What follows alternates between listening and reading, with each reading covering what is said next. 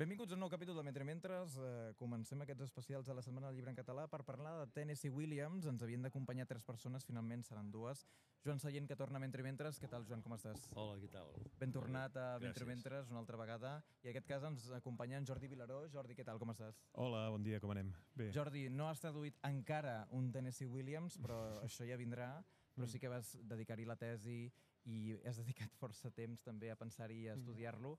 I avui justament presenteu dins de la col·lecció Prometeu una de les novetats editorials, que són aquests dos primers volums del que ha de representar ser una espècie d'obra eh, completa. No sé si d'entrada ens pots fer cinc cèntims també de quin projecte té la gent de Prometeu, que Sí. ha encapçalat el Mar Rússic traduint-ne Sí, uh, de fet, textos. la idea és més aviat la de, la de trobar, la de presentar al públic el que seria el Williams uh, menys, menys famós o menys popular, diguem-ne, no? És a dir, si el Williams més conegut és el del Big Three, el del zoo de vidre, el, la gata sobre la taulada de zinc i el tramvia anomenat Desig, Uh, no oblidem que Williams té vuit volums uh, de, teatre, de teatre publicats, no? el, el New Directions de Nova York, va publicar fins a vuit volums, que no estan totes les obres allà, és a dir, n'hi ha d'altres que no estan incloses dins aquests vuit volums, per tant, el, la quantitat de, de teatre que, que hi ha publicat i que s'ha representat, si més no als Estats Units, uh, de Williams és notòria, i el que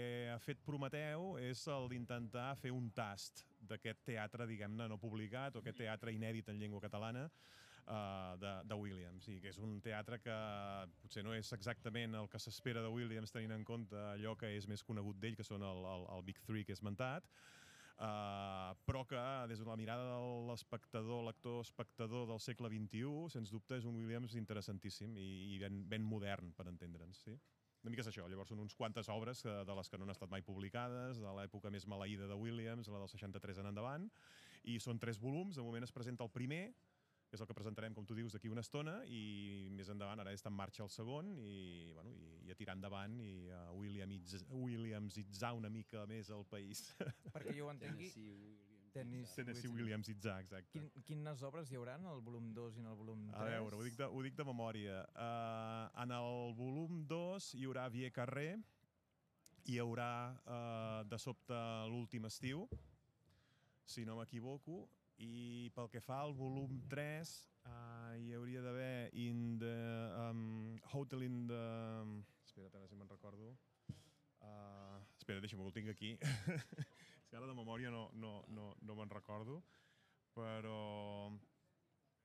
Uh, seria... Exacte. La, seria de sobte l'últim estiu al Via Carrer, el tren del matí ja no s'atura aquí, el The Milk Train doesn't stop here anymore, el, en el bar d'un hotel de Tòquio i roba per un hotel d'estiu. Seria una mostra diguem-ne, en què el, els motius de cada un dels volums uh, tenen un, un, una certa... Uh, un, un cert uh, objectiu temàtic, però vindria a ser el que dic això, no? una mostra del teatre que no va tenir èxit uh, en el seu moment. No? Per això es diu el teatre maleït de, de Williams. I Les, les traduccions són, seran totes del Marc D'en Marc, Rússic? sí. Està bé. Uh -huh. En canvi, el Joan. Joan Sallent, que ha traduït ja un parell de Tennessee Williams... Clar, parlem-ne, eh? perquè el 30 de setembre de 2010 el Teatre Lliure de Gràcia reobria les seves portes perquè l'Àlex Rigola, que era el director del teatre, n'havia fet una reforma íntegra i per fer-ho van triar finalment, perquè em consta que aquí va haver-hi un, un gran debat de amb quin text s'havia d'obrir la sala de Gràcia, van triar la gata sobre una taulada de zinc calenta que protagonitzava en Joan Carreras, justament, de la qual la traducció la vas signar tu, Joan, Sí. i en aquest cas ens trobem en un altre cas d'una traducció que va servir per teatre i que ara s'edita, en aquest cas eh, Jordi Raventós l'edita des i ara, i Sí. que ara és novetat en aquest sentit, i que ara la, la presentes, en aquest cas, al públic. Mm. Sí, sí, el Jordi Reventós té un especial interès per publicar textos teatrals. Creu que, que és molt important llegir teatre i aleshores doncs ja, eh, sí, doncs, també no fa gaire va publicar Exiliats de James Joyce, que jo també vaig traduir fa anys, una, una cosa que, un projecte de muntatge que no va tirar endavant. Sí, sí, i ara últimament aquesta la gata. Escolteu, us tinc aquí i aprofito que us tinc aquí i que tu ara, Jordi, aniràs a presentar aquest volum de Teatre Maleït. Jo tinc un seguit de qüestions que podem eh, tractar. La fama de Tennessee Williams és immensa, el coneixement també de la figura de Tennessee Williams posteriorment segurament pel cinema i per com ha arribat al cinema és també immensa, I d'alguna manera també, si posem pel cas eh, i, i en parlem de la recepció que hi ha en aquest cas, que això és el que has estudiat més tu, Jordi, Uh, hi ha primer una recepció durant el franquisme i després hi ha la recepció posterior. Uh -huh. Jo et volia preguntar d'alguna manera si t'has eh, dedicat, perquè ja que te n'has dedicat a la, la recepció durant el franquisme, què em podries dir-nos també d'aquest canvi que pot haver-hi? Perquè jo ara tinc el record, per exemple, de l'escola de Gallo que fa el Sagarra uh -huh. sobre les primeres lectures que fa de Tennessee Williams uh -huh. i com d'aquí Uh, la representació de Tennessee Williams uh, puja i acaba esdevenint també un clàssic, en aquest cas, eh, dels teatres a Barcelona. Uh, sí, Um, la recepció de, de, de Tennessee Williams és una mica una, una mica muntanya russa. És a dir, uh, Tennessee Williams en efecte té l'èxit que té mundialment parlant, sobretot arran de les, de les com tu ja has comentat, de, de les estrenes cinematogràfiques, Uh, però després arriba als anys 60 en què d'alguna manera l'estètica teatral està canviant, diguem-ne, i uh, Williams es troba en una mena de curiós atzucac en què quan vol canviar no se, no se li accepten els canvis perquè ell és l'autor de La gata i del tramvia, és l'autor del el realista, l'autor realista nord-americà, plàstic o no plàstic, però és el realista nord-americà, i quan decideix fer eh, tota una sèrie de canvis no són acceptats, però en canvi quan decideix tornar una mica allò que feia abans resulta que és rebutjat. Uh, perquè, perquè bé, perquè ell torna una altra vegada a les andades, no? és a dir, torna una altra vegada allò que havia fet. Per tant, és un curiós, un curiós atzucac. Um, pel que fa a casa nostra, segueix una mica la línia que del, de, del que succeeix en altres llocs, és a dir, a partir dels anys 60 hi ha el moment en què, diguem-ne, entra d'alguna manera el materialisme històric i tot el que és el realisme. a partir dels 60 les, les obres de Williams de Caua no són vistes ja com un teatre més aviat del, del passat. Estem parlant sempre de les mateixes obres, eh? no ho oblidem uh, no de les obres noves, entre cometes, que havia, que havia estrenat. Um, després és veritat que a partir dels anys 80 es torna a rescatar una altra vegada uh, amb la represa, diguem-ne, del teatre de text de Williams, és dels, dels que torna a entrar, diguem-ne, amb una certa força i per tant es torna a representar amb una certa normalitat, però insisteixo, tornem a parlar sempre de Zo de Vidre, tornem a parlar sempre de uh, Gata sobre taulada de zinc i el tramvia anomenat Desig. D'acord? I després entrem ja en una etapa, diguem-ne, en la que ja seria la, la, la, la, la postmodernitat, o que en termes teatrals parlaríem de postdramatisme, en què hi ha totes unes lectures eh, en què les obres clàssiques de Williams entren en un procés d'allò que en diríem de deconstrucció, i aquí, per exemple, el teatre centreeuropeu germànic hi té molt a veure, vull dir, tot el que en Frank Castorf, per exemple, va, ser el, va fer el seu moment amb el, amb el Endstation en Amèrica, que és el tramvia anomenat Desig, o el Forever Young, que es va, es va presentar, eh, si no vaig errat, al TNC, que és una versió, diguem-ne, molt castorfiana del, del Sweet Birth of Youth, del, del Dolç Ocell de Joventut. Uh, I, per tant, hi ha una altra relectura. El mateix Rigola, quan va fer el Gates sobre taulada de zinc calenta, el llibre que acabes d'esmentar.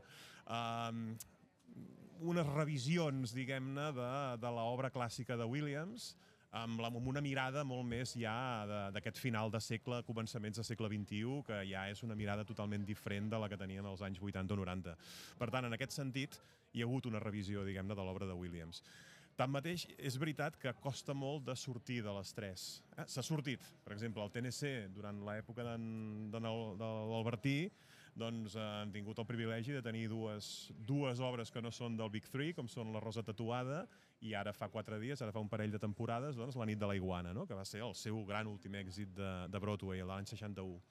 Uh, amb, dues, amb dues posades en escena molt interessants, especialment la segona, la de la nit de la iguana, per tant, hi ha una altra, hi ha una altra manera de veure Williams, però tanmateix eh, jo sóc dels que penso que el Big Three és molt poderós i no deixa anar més enllà d'això. Hi ha hagut molts os de vidre representats els últims anys, per exemple.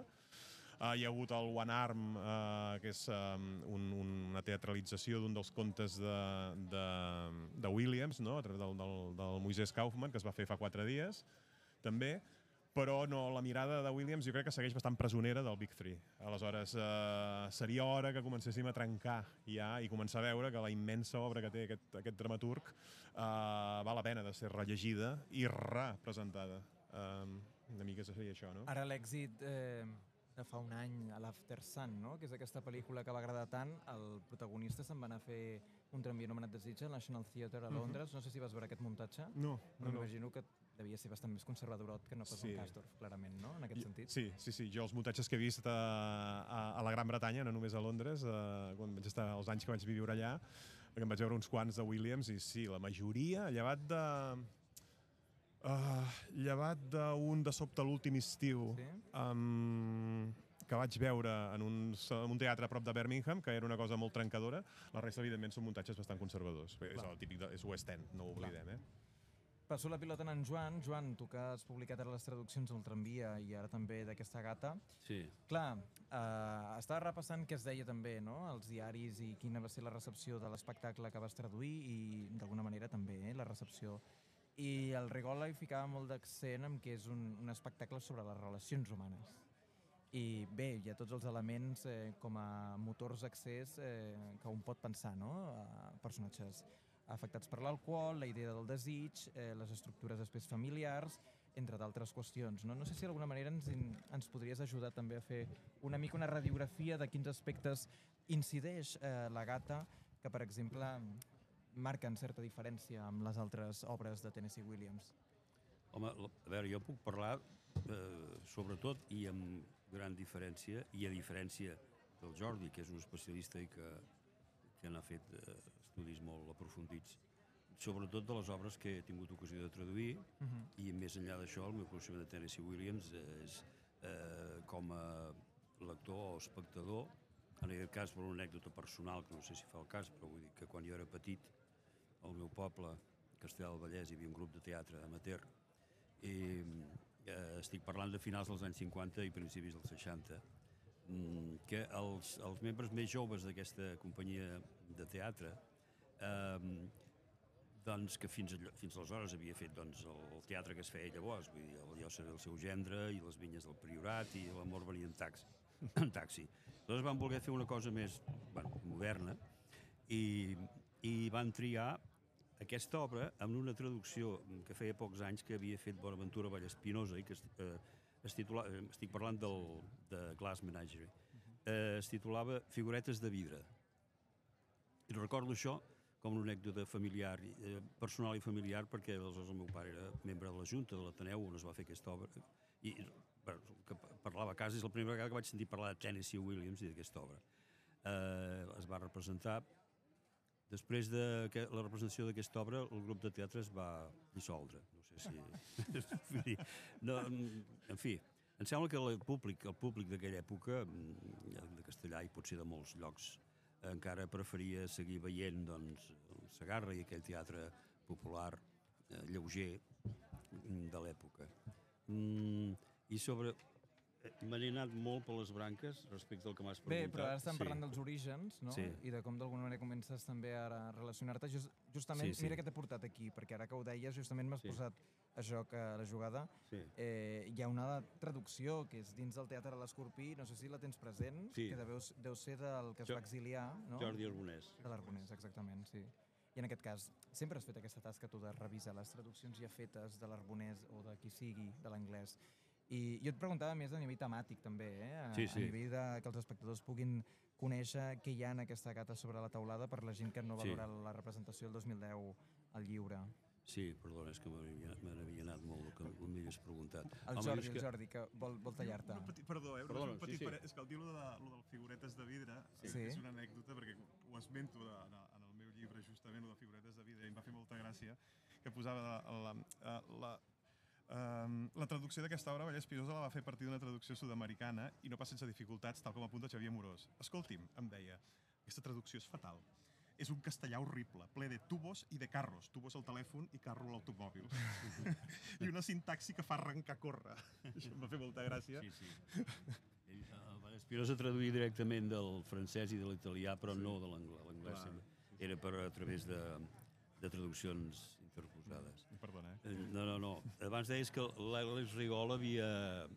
Eh, va dir que la gata sobre eh, la taulada mm, anava sobretot de les relacions Sí. humanes. Jo penso que tot el teatre de Tennessee Williams va d'això i les relacions, eh, sobretot posant molt d'èmfasi en els conflictes i les tortures que, que provoquen i, i molt basades en la seva eh, la seva la turbulència de la seva pròpia situació personal i la seva pròpia biografia. En aquest cas, doncs, el personatge eh, tormentat, per definició, és el protagonista, eh, que, és clar, en, una època en què ser homosexual era una cosa que senzillament s'havia d'amagar, allò de sortir a l'armari va em faltaven molts, molts anys perquè entrés en vigor eh, i aleshores la, la, la, conflicte d'aquesta relació d'aquest personatge amb la seva dona, perquè naturalment es va haver de casar amb una dona,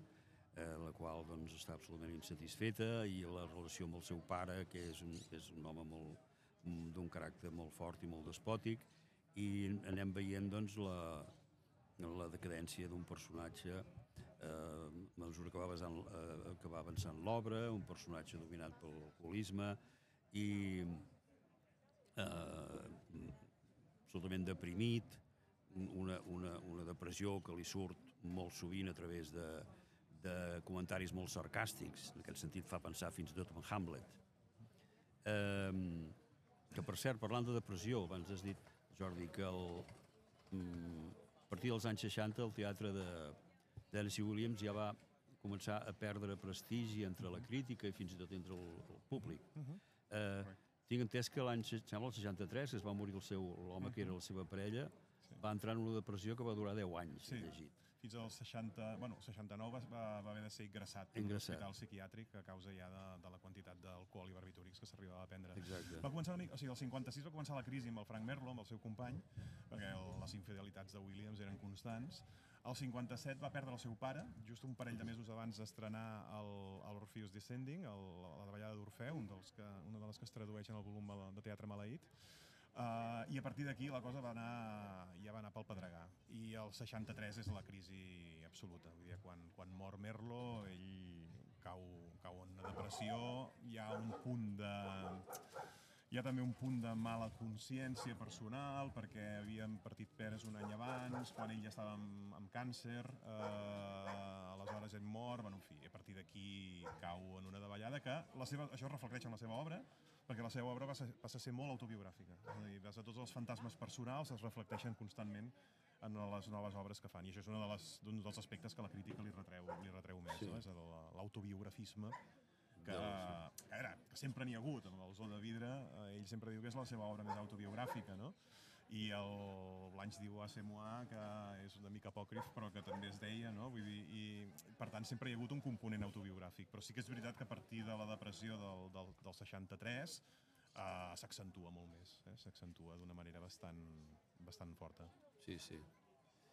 I, ha una, ha una qüestió ara que estem disparant cap a diversos llocs, eh? que és eh, que la percepció que pot tenir algú quan està llegint Tennessee Williams i no el veu representat, i pot ser un estudiant de teatre que tot just comença, sempre arriba un punt, i el tramvia és claríssim, que des de l'escriptura, eh, des de la interpretació hermenèutica tal qual, eh, hi ha un punt en què hi ha un forat, hi ha un buit. Sempre hi ha una construcció, en aquest cas, d'una qüestió que ha d'autocompletar el lector i que el lector sempre aprèn teatre amb, amb Tennessee Williams d'una manera que aprèn a llegir mm, d'una forma que li requereix autocompletar el que li està passant psicològicament als personatges. I d'alguna manera diferenciaríem Tennessee Williams com podríem diferenciar, per exemple, un Ibsen, posem pel cas, no?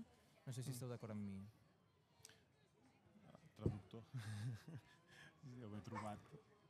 Uh, home, o sigui, afinitats de, de Williams amb Ibsen, per exemple. Bueno, ara parlava de la qüestió de com està escrita estructuralment. I, sí, doncs, sí, sí. ha aquesta qüestió de que hi ha sempre una qüestió uh, fins a arribar als brots de violència, fins a arribar als brots que necessàriament, ara hauria sí. de posar exemples argumentals, però potser jo, el Jordi en té algun al cap. Jo, no, jo discrepo una mica amb l'exemple, és a dir, jo crec que és molt més Chekhov. Bueno, clar. És a dir, els, els forats aquests, és a dir, els grans buits, els grans silencis, que de fet construeixen tant o més que les paraules, i a més és, és que Williams a més ho confessava constantment, és a dir, el seu referent absolut era Chekhov, era el teatre de Chekhov, és a dir, tu llegeixes qualsevol de les quatre grans de Chekhov i, i tens els mateixos universos pràcticament, l'únic que transportats al, al, al Bible Belt, no? al, al, al sud dels Estats Units. Uh, amb, aquells, amb aquelles um, societat uh, que abans havia estat esplendorosa i que ara està en un procés de decadència, amb uns processos de canvis socials uh, espectaculars, als quals Williams no renuncia en absolut a mostrar-los, passa que estan en un rerefons, estan en un background. Això és un, això és un debat curiós, eh? vull dir, moltes vegades es diu sempre allò, el Arthur Miller és el, el, el dramaturg uh, social, no? I en canvi uh, Williams és el dramaturg més intimista, no? és el dramaturg més el de l'ésser humà i del trencar-se a si mateix uh, per dintre a causa de, de les pulsions que, que té, i l'altre és el de la denúncia del sistema. Mm, és molt matisable això, perquè a Williams hi ha denúncia del sistema. El que passa que no és l'epicentre de l'obra però tot allò que porta els seus personatges a, a l'infern al qual sovint acaben caient és a causa d'una societat absolutament hostil. I en les obres de Williams es denuncia de sota mà, no d'una manera directa, com pot fer Miller, per exemple, però es denuncia de sota mà el racisme, l'homofòbia, la intolerància, l'ultraconservadorisme... Eh, és a dir, hi ha tota una sèrie d'aspectes socials que estan absolutament denunciats. El que passa que l'epicentre és l'ésser humà, no? És l'ésser humà, és el que rep les conseqüències de les injustícies socials, per dir-ho d'alguna manera. No hi ha tant el desig de, de, de denúncia pel canvi, sinó de denúncia de com està el món, perquè pugueu entendre per què nosaltres caiem com caiem, no? És una mica la... Però que hi ha un rerefons social en el cas de Williams és claríssim. Uh, racisme, per exemple, és, és amb, el, amb la davallada d'Orfeu o, per exemple, el dolç ocell de joventut, és brutal. El, el dolç ocell de joventut surt del Ku Klux Klan uh -huh. denunciat, eh? Vull dir, el, el, el bèstia que s'acaba carregant en el Chance Wayne és, és del KKK. Vull dir, um, la davallada d'Orfeu és el mateix. Vull dir, el que acaben cremant en el, en el, en el pobre uh, sempre símbol sexual, no? que en aquest cas és el Val Xavier, uh, que l'acaben castrant i l'acaben cremant, sempre són els mateixos, eh? són les forces ocult, les forces fosques del, del, del sud, no? del que ell te coneix també, i que en el cas aquest també s'ho fa a través de la paràbola d'Orfeu. No? Vull dir, les forces de l'Hades són les forces conservadores del sud dels Estats Units, racistes, intolerants, a sobretot aquell que té una pulsió vital molt forta um, canalitzada a través de la sexualitat i això no s'accepta. No em sembla que m'han anat molt del no, tema no, no, que però era una qüestió, no? no? Estàvem parlant d'una qüestió estructural, una qüestió mm. d'escriptura, i ara hem parlat també d'una qüestió de personatges per, per anar acabant la conversa, eh? Mm. però Joan, no sé també quina perspectiva en penses també de la construcció que tenen aquests personatges femenins en el cas de, mm. de, de Tennessee Williams. Quan, quan tradueixes una obra, almenys eh, per la meva pròpia experiència, doncs, és clar, estàs molt més pendent de la, dels problemes formals que et planteja i de com els resoldràs i, diguem-ne, de la superfície del text, que no pas de qüestions d'estructura. Això jo ho reconec, almenys el que em passa a mi, perquè estàs tan centrat en això, que llavors moltes qüestions d'estructura eh, i de relació entre personatges i de, etc les descobreixes sobretot després de les primeres lectures amb el director de la companyia i, i si tens ocasió d'anar veient com van aixecant l'obra i, i com ho van enfocant. I, esclar, els problemes formals que planteja l'obra de les dues obres que he traduït Tennessee Williams D'una banda, bé, el seu llenguatge és, és, és perfectament naturalista i en cap, en cap moment no hi ha encara, encara que està ple de simbolismes, però aquests simbolismes... Són escènics. Són, són, sí, i, i si de cas, vull dir, el, el, el, tramvia anomenat desig, des del mateix títol, no? Uh -huh. eh, els, els, els, els banys d'aigua calenta que prenen constantment la, la Blanche d'Ivoire com, a, com a ritual de purificació, etc etc. Tot això doncs, són símbols que els hi pots veure o no, uh -huh. però vull dir que el que et transmet l'obra en escena és una cosa doncs, perfectament eh, naturalista. Aleshores, doncs, bueno, has de mirar de reflectir també com, com puguis doncs, el naturalisme d'aquest llenguatge. El, una de les coses que planteja un, com a mínim, que et fa, et fa, et fa sospesar com ho resoldràs, són alguns títols de les obres de, de Tennessee Williams, que de fet, a veure, el traductor, si això és un encàrrec d'una companyia o d'una productora o d'un director, el traductor no té l'última paraula, és una cosa que es negocia com es titularà aquella obra, no?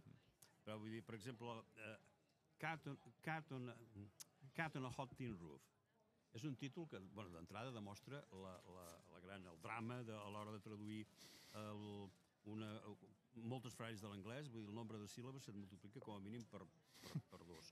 I és clar, això és, si, si fixeu aquest títol en anglès, Cat on a Hot Tin Roof, són sis síl·labes i cada síl·laba és una paraula. Eh, això és clar, vull dir, si ho tradueixes literalment se't, se't dispara, es converteix en 12 síl·labes com a mínim. I aleshores, però després hi ha la qüestió de què vol dir aquesta frase, què vol dir aquest títol. Clar, llavors, doncs, això resulta que és, un, és, una, és una expressió idiomàtica, és una, és una frase feta quan es diu que, que una persona és uh, like a cat on a hot thin roof, es vol dir que és una persona que està en un estat constant de, de neguit, De neguit, de desassossec, i aleshores mm, és com la idea d'un gat sobre, un, em sembla que en castellà hi ha la, un gato sobre ascuas o una cosa així, o, i no sé si en català tenim, tenim una, tenim una expressió, jo diria que no, aquí sortir un gat, a veure, una expressió en català que sortir un gat i una teulada, a més a més de cinc, calenta, no hi és. Aleshores, doncs, has d'optar, planteja què faig aquí, tradueixo literalment, o bé amb una equivalència de sentit.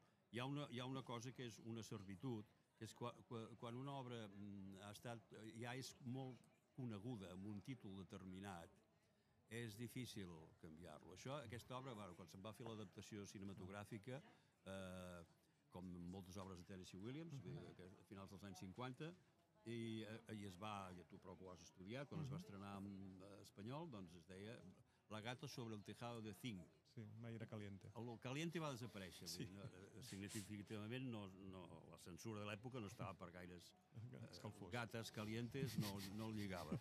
um, I aleshores, doncs, és clar, mm, és difícil sortir d'aquest... Eh, de- d'aquesta tradició establerta. Això passa en molts títols literaris, no solament teatrals. Eh, I després, doncs, eh, que, sí, la, a veure, l'exercici de buscar una possible equivalència en català, doncs jo el vaig fer, però no em sortia res que Ja. fos convincent, vull dir, una persona que no està mai quieta, eh, que sé, Clar, clar, clar, clar. el cul- el cul el cul, del- el cul del Jaumet, Jaumet. no posaràs el cul del Jaumet a una obra del Tennessee Williams. I per tant, doncs, es va decidir Gata sobre una... Vaig, per, per, per fer el, el títol una mica menys llarg, vaig eh, treure els articles i Clar. es va estrenar com Gata sobre teulada de zinc calenta. I en el cas de l'edició Ah, clar. del, Clar, de clar, clar, Desi clar, ara clar. ja ha afegit l'article indeterminat, una. Nois, aleshores, el, perdona. Us he de tallar perquè el pobre Jordi crec que té en dos minuts la presentació i has de Ah, marxar ja, corrents. ja és l'hora? Ja és l'hora, ja és Ah, l'hora. d'acord. Estat Bé. aquí ja, portem 27 minuts parlant, Ja. però ara em semblava molt interessant tot el que estàvem desenvolupant. Uh, us he d'agrair, però... Una, una Sí. sola cosa, afegeixo ja amb Ets això. afegit, sí. És que això que ha dit és, molt, és, és interessantíssim. I em sembla que passa una cosa semblant, per sort, com que no és conegut, no hi haurà tanta discussió, amb el The Milk Train Doesn't Stop Here Anymore. Clar, el The Milk Train és el tren de la llet. De la llet. Però clar, no és el tren de la llet, és una expressió que sembla que és el tren del matí. Clar, que li diuen The Milk Train perquè és quan la llet es repartia de bon Sí, matí, és el, el, primer, el tren de primera hora, per entendre'ns. Però clar, per sort aquest no hi ha problemes perquè no, no, no l'han traduït encara, no? Però sí, és veritat que aquests girs han de ser, són, són molt complicats. El tramvia anomenat Desig, que resulta que Sí. Desig és el nom d'un districte de Nova Orleans. Exacte. I que la, Clar. la Blanche Dubois, quan arriba a Nova Orleans, veu aquell tramvia Exacte. i aprofita, aleshores l'autor aprofita el, Exacte. el potencial Sí, sí, sí, eh, sí. metafòric i simbòlic de- Mhm. d'aquest títol, d'aquest fet real Sí. objectiu que només coneix la gent de Nova Orleans i I ja està. la gent que coneix la ciutat. Bé, us hem d'agrair, és una llàstima que la presentació només l'afegis tu, Jordi, perquè ha estat fantàstic la conversa que heu tingut tu, Joan, i tu, Jordi, Mm. i en aquest cas el Marc, que no ha pogut venir finalment, que és el traductor d'aquestes obres de Prometeu.